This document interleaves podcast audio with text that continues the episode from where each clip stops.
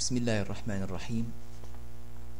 الحمد لله رب العالمين والصلاة والسلام على أشرف الأنبياء وإمام المرسلين سيدنا ونبينا محمد وعلى آله وصحبه أجمعين.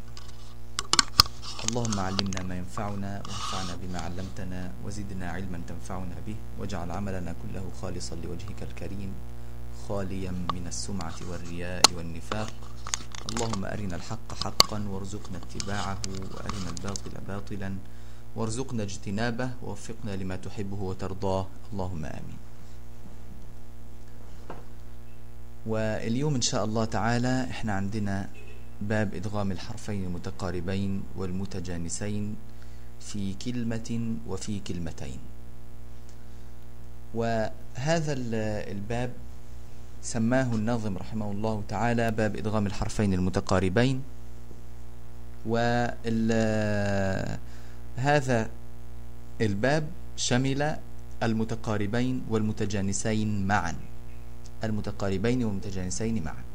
فلذلك بعض العلماء كان يقول الحرفين المتقاربين والمتجانسين في كلمة وفي كلمتين. نعم.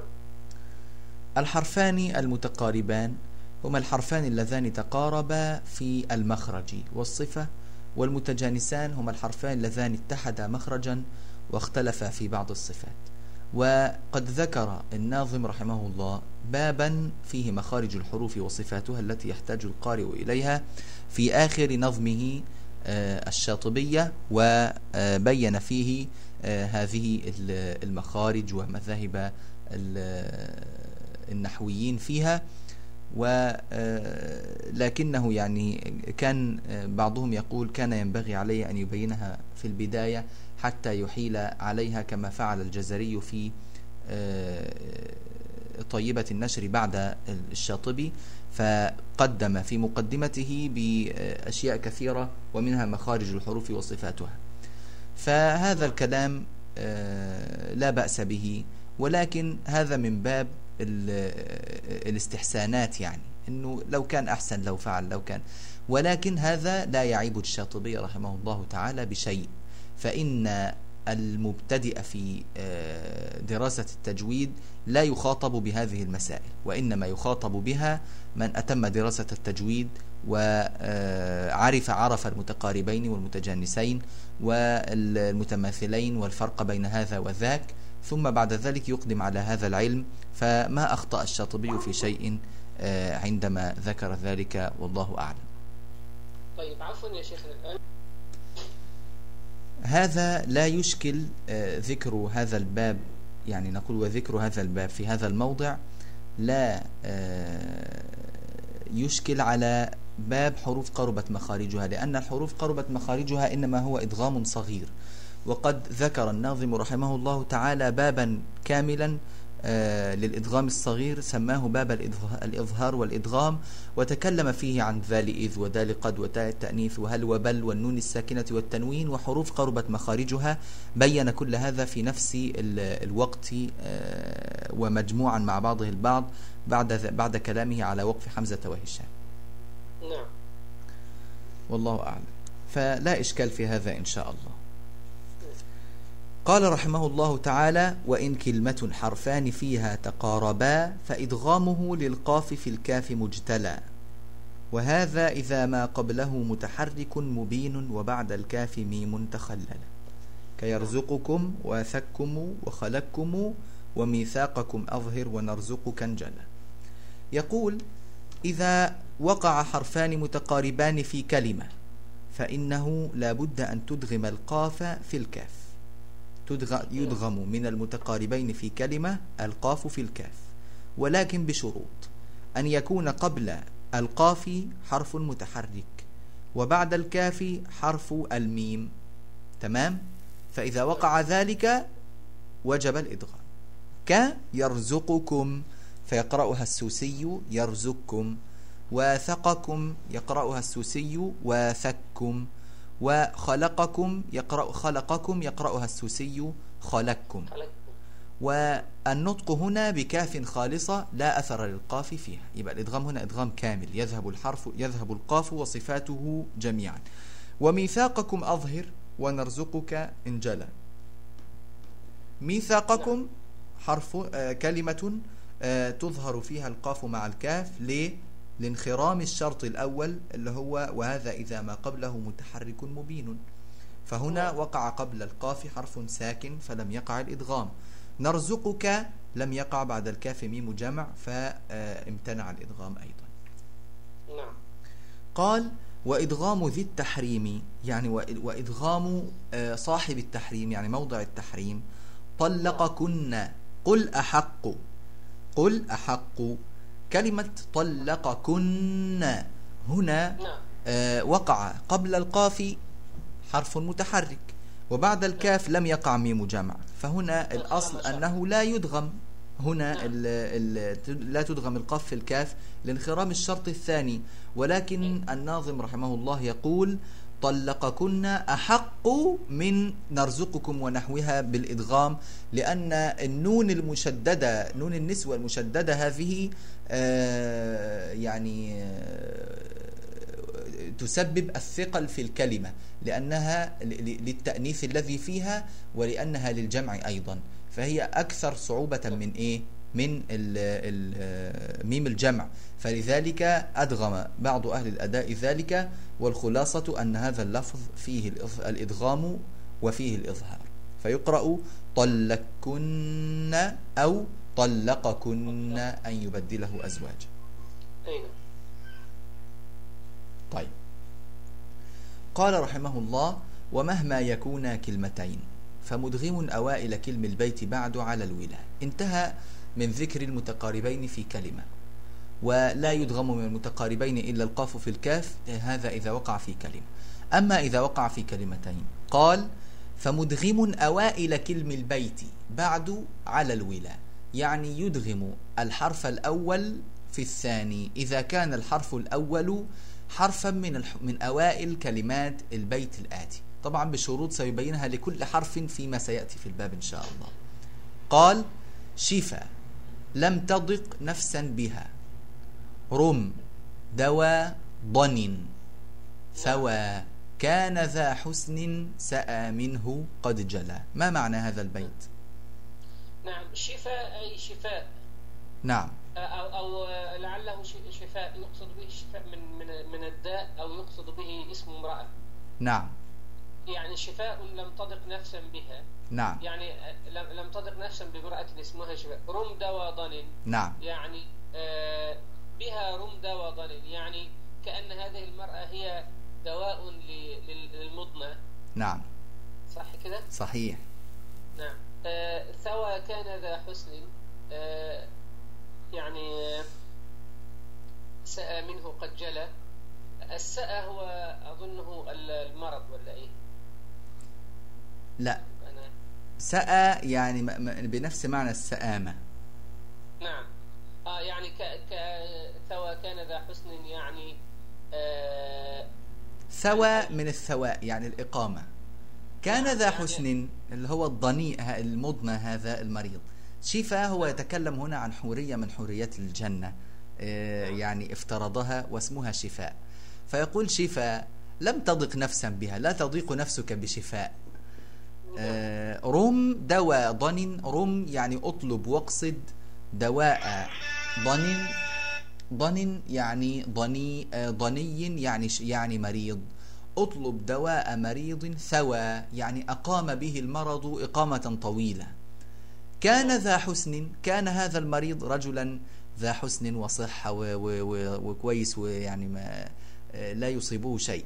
كان ذا حسن سأى منه سئم من طول آه، مقام المرض به قد جلى إن جلى هذا المرض وترك بس ويعني آه، انفك عنه بسبب هذه ال- ال- الحورية التي اسمها آه، شفاء. نعم. رحمة الله على هذا الناظم رحمه الله. إذا الشين واللام والتاء والنون والباء والراء والدال والضاد والثاء والكاف والذال والحاء والسين والميم والقاف والجيم هذه الحروف أوائل آه، كلمات آه، بيت شفا لم تضغ نفسا بها رمد وضن ثوى كان ذا حسن منه قد جلى آه، هذا هو هذه هي أوائل كلمات هذه هذه الجملة أو هذا البيت هي الحروف المدغمة. إيه هو بقى المدغم فيه؟ سيبينه لكل حرف من هذه الحروف. فقال رحمه الله قبل أن يذكر تفاصيل هذه الحروف ذكر الموانع. قال فزحزع عن النار الذي حاه مدغم. آه، عفوا. قال إذا لم ينون. أولا. إذا لم ينون. أو يكن تا مخاطب وما ليس مجزوما ولا متثقلا. أيضا يمتنع إدغام المتقاربين بأربعة آه، شروط. فهذه الشروط هي آه، أن الأول لا يكون منونا. كويس؟ إذا كان منونا يمتنع الإدغام. وهذا ورد في مثل قوله تعالى مثلا آه، نذير لكم بين يدي عذاب شديد مثلا. فالراء هنا الأصل أنها تدغم في اللام لكن امتنع الإدغام هنا بسبب أن الراء منونة. فلا نقول نذير لكم وإنما نذير لكم. هذا آه، أولا. وعندنا أيضا إذا كان الحرف الأول تاء مخاطب وهذا مثل قوله تعالى خلقت طينة لا ندغمها فنقول خلق الطينة لا نفعل ذلك فلماذا؟ لأن الحرف الأول تاء مخاطب وما ليس مجزوما إذا كان الأول مجزوما هذا لم يأتي إلا في كلمة آه، واحدة في القرآن الكريم اللي هي كلمة ولم يوت سعة من المال فلا تدغم فتصير يوسع لا تدغم التاء لا تدغم في السين لأن لأنها مجزومة. ولا متثقلة أيضا الحرف الأول إذا كان مشددا فإنه يمتنع إدغام. واضح؟ نعم طيب. قال فزحزع عن النير الذي حاه مدغم. هنا كلمة الحاء تدغم في العين من كلمة واحدة فقط قوله تعالى فمن زحزح عن النير وأدخل الجنة. قرأها السوسي فمن زحزع عن النير وأدخل الجنة فقد فاز. هكذا. وفي الكاف قاف وهو في القاف أدخل. يبقى هنا جاب كم حرف؟ حرفين. نعم. القاف آه، نعم. وذكر أنها تدغم في الكاف. والكاف وذكر أنها تدغم في القاف. يبقى وفي الكاف قاف إيه هو الحرف المدغم هنا؟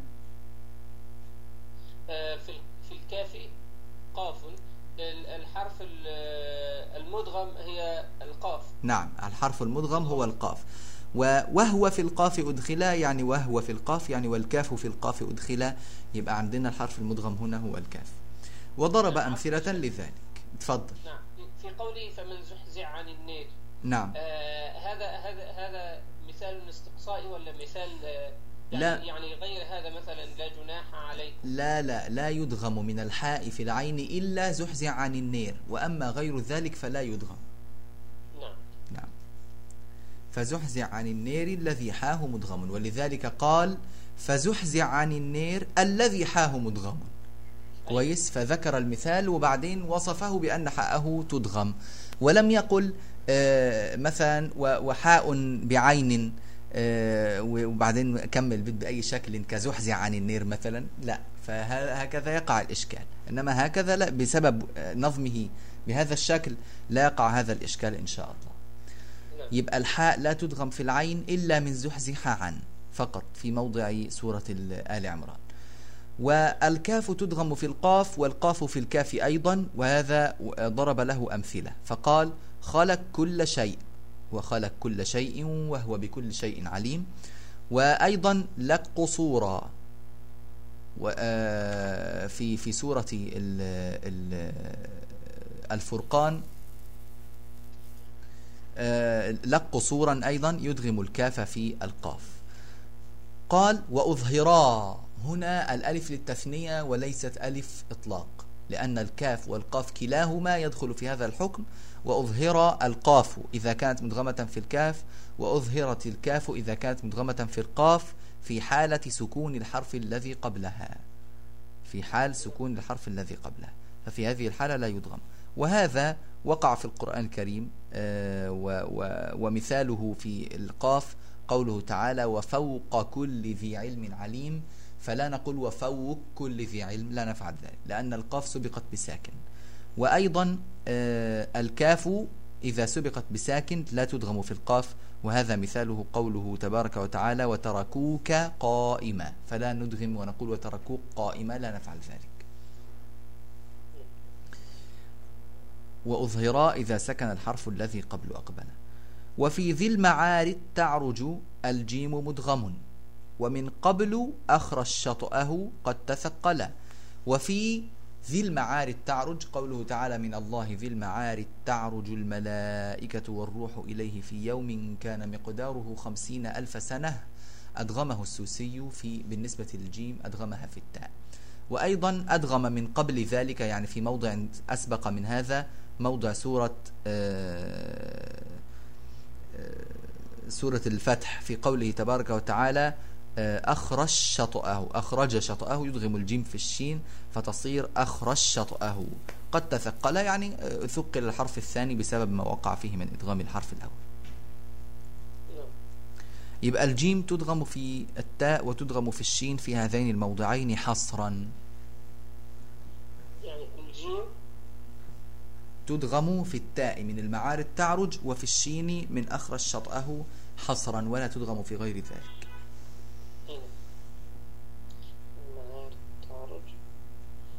الشين في أخرى الشطر. نعم. حص نعم. بقية الجمال في القرآن لا, لا تدغم في في أي شيء آخر. أيوة نعم الله يفتح عليك. قال رحمه الله وعند سبيلا شين ذي العرش مدغم. وعند سبيلا شين ذي العرش مدغم. قوله تعالى ذي العرش سبيلا. أدغم السوسي الشين في السين. الشين في السين. من قوله تعالى ذي العرش في السين من سبيلا. فتصير لابتغوا إلى ذي العرش سبيلا. ذي العرش سبيلا. وبعض الناس لا يبين هذا التشديد أو التثقيل فنسمع بعض الناس يقول آه لابتغوا إلى ذي العرش سبيلا. ذي العرش سبيلا. هكذا. وهذا لا يصح. لا يصح هذا أبدا لأن الإدغام لا بد فيه من التثقيل والتشديد. فلما أقول ذي العر سبيلا أين التشديد والتثقيل؟ هذا لا يصح نهائيا. فيقو فيكو فالصحيح أن ندغم مع التشديد. هكذا لابتغوا إلى ذي العرس سبيلا. لابتغوا إلى ذي العرس سبيلا. وأيضا آه، الضاد في لبعض تدغم في الشين. فنقول لبعش آه، آه، فإذا استأذنوك لبعشانهم لبعشانهم فاذا وبعض الناس لما يقرأ يقول لبعشانهم وهذا لا يصح. لبعشانهم يفعل ذلك وهذا لا يصح لأنه لم يأتي بالتثقيل والتشديد ولا بد منه. فنقول لبعشانهم فاذا لمن شيت منهم واستغفر لهم الله. هكذا يقرأ السوسي. نعم وضاد يعني لبعض شأنهم مدغما تلا. فهنا توضيح وتأكيد على هذا الأمر. نعم. في في الموضعين هذين آه، هل هل هل هذين الموضعين أيضا استقصاء؟ آه نعم. هنا تدغم الشين في السين فقط في ذي العرش سبيلا حصرا ولبعض شأنهم الضاد في الشين حصرا في هذا الموضع. وفي زوجت سين النفوس. نعم. يدغم من السي من من السين قوله تعالى النفوس زوجت وقوله تعالى الرأس شيبا. يبقى السين تدغم فين؟ في الزاي وفي الشين. لكن إدغامها في الزاي بلا خلاف. قال قال تعالى آه، في في هذا الموضع تحديدا قوله تعالى وإذا النفوس زوجت تدغم فتصير. وإذا النفوس زوجت وإذا النفوس زوجت. هكذا. نعم. طيب. يبقى عندنا السين في الزاي في قوله النفوس زوجت بلا خلاف وحصرا. ومدغم له الرأس شيبا باختلاف توصل. يدغم أيضا السين في الشين من الرأس شيبا فتصير الراس شيبة وله أيضا الراس شيبة. كلاهما صحيح. نعم. ثم قال رحمه الله تعالى وللدال كلم ترب سهل ذكى شذا ضفى ثم زهد صدقه ظاهر جلا. ده إن شاء الله هيكون موضوع حديثنا في الدرس الجاي بإذن الله إلى آخر باب بحول الله تعالى. وصلى الله على سيدنا محمد وآله وصحبه أجمعين.